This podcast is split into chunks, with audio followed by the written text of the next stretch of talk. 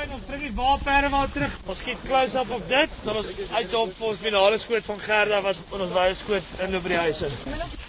'n Mens moet 'n lang grondpad aandurf, keer dat die wind jou nie wegwaai nie en deur die lang gras loop om by die stel van die rolprent verraaiers uit te kom want volgens die vervaardiger Salas die Jager is dit moeilik om 'n plaas te vind wat nog so ongerep is dat dit lyk of dit uit die Anglo-Boereoorlog dateer. Die groot uitdaging was om die plek te kry wat nie telefoondrade en kragdrade het nie. 'n Mens raak so gewoond dat dit in elk geval daar is dat jy nooit dit eers agterkom nie tot jy 'n plek moet soek wat nie dit het nie.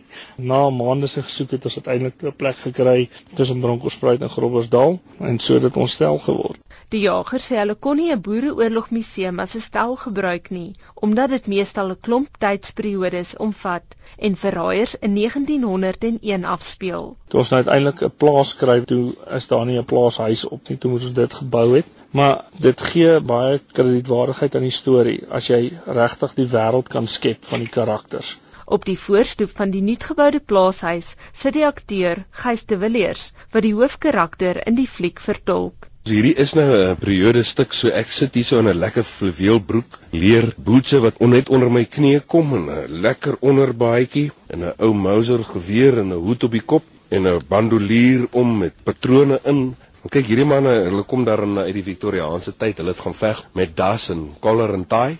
Die roepman aktrise, Beate Olwagen, sê die klere wat 'n korset insluit, help om haar in die periode in te leef. Ons speel 'n boere aristokrasie familie, so dit help nogals met die statigheid daarvan. Daar's nie kans om te slump nie. Die asemhaling, dit is nogals moeilik, maar dit is lekker. Olwagen sê dit sorg ook vir baie humor op stel. Ag, dis nou omdat ons hierdie wiekietjies en goetertjies het en dit pas nie altyd mooi op jou kop nie. So, daar gebeur net snaaks so goed met jou klere. Ek trip oor my rok en dan moet daai een vang en jy moet maar pose hou om nie uit te wars van die lag nie. Maar die aktrise, Rika Senet, glo daar was praktiese redes agter die boere se klere drag. Daar was method in their madness. Hierdie klere herlei hitte nie baie goed nie. So jy behou jou eie liggaamstemperatuur en die buitehitte kom nie by jou nie. Dit voel eintlik koel. Cool. Die kappies is jou eie draagbare sambreeltjie. Jy weet, ek dink hulle het baie minder velkanker gekry want dit was kop tot tone aangetrek. Terwyl die vroue in die koelte van die bome skuil, is die mans besig om tonele met perde te vervilm. Okay, body, roll camera. Dit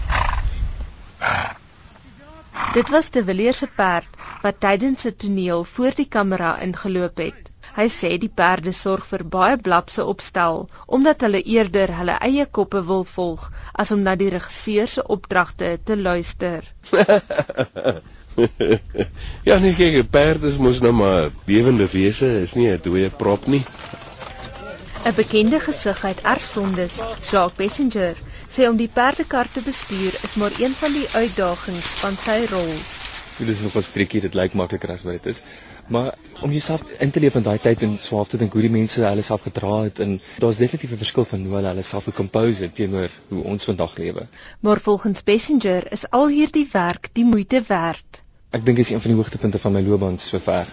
En dit was verseker 'n hoogtepunt as gevolg van Paul Eilers. Hy is ongelooflik om mee saam te werk. As ek my kop draai dan sien ek vir Gys de Villiers, daar sit Rika Senet, Andrew Thompson, Philia Maritz. Dis regtig eer om deel te wees van so 'n groep mense.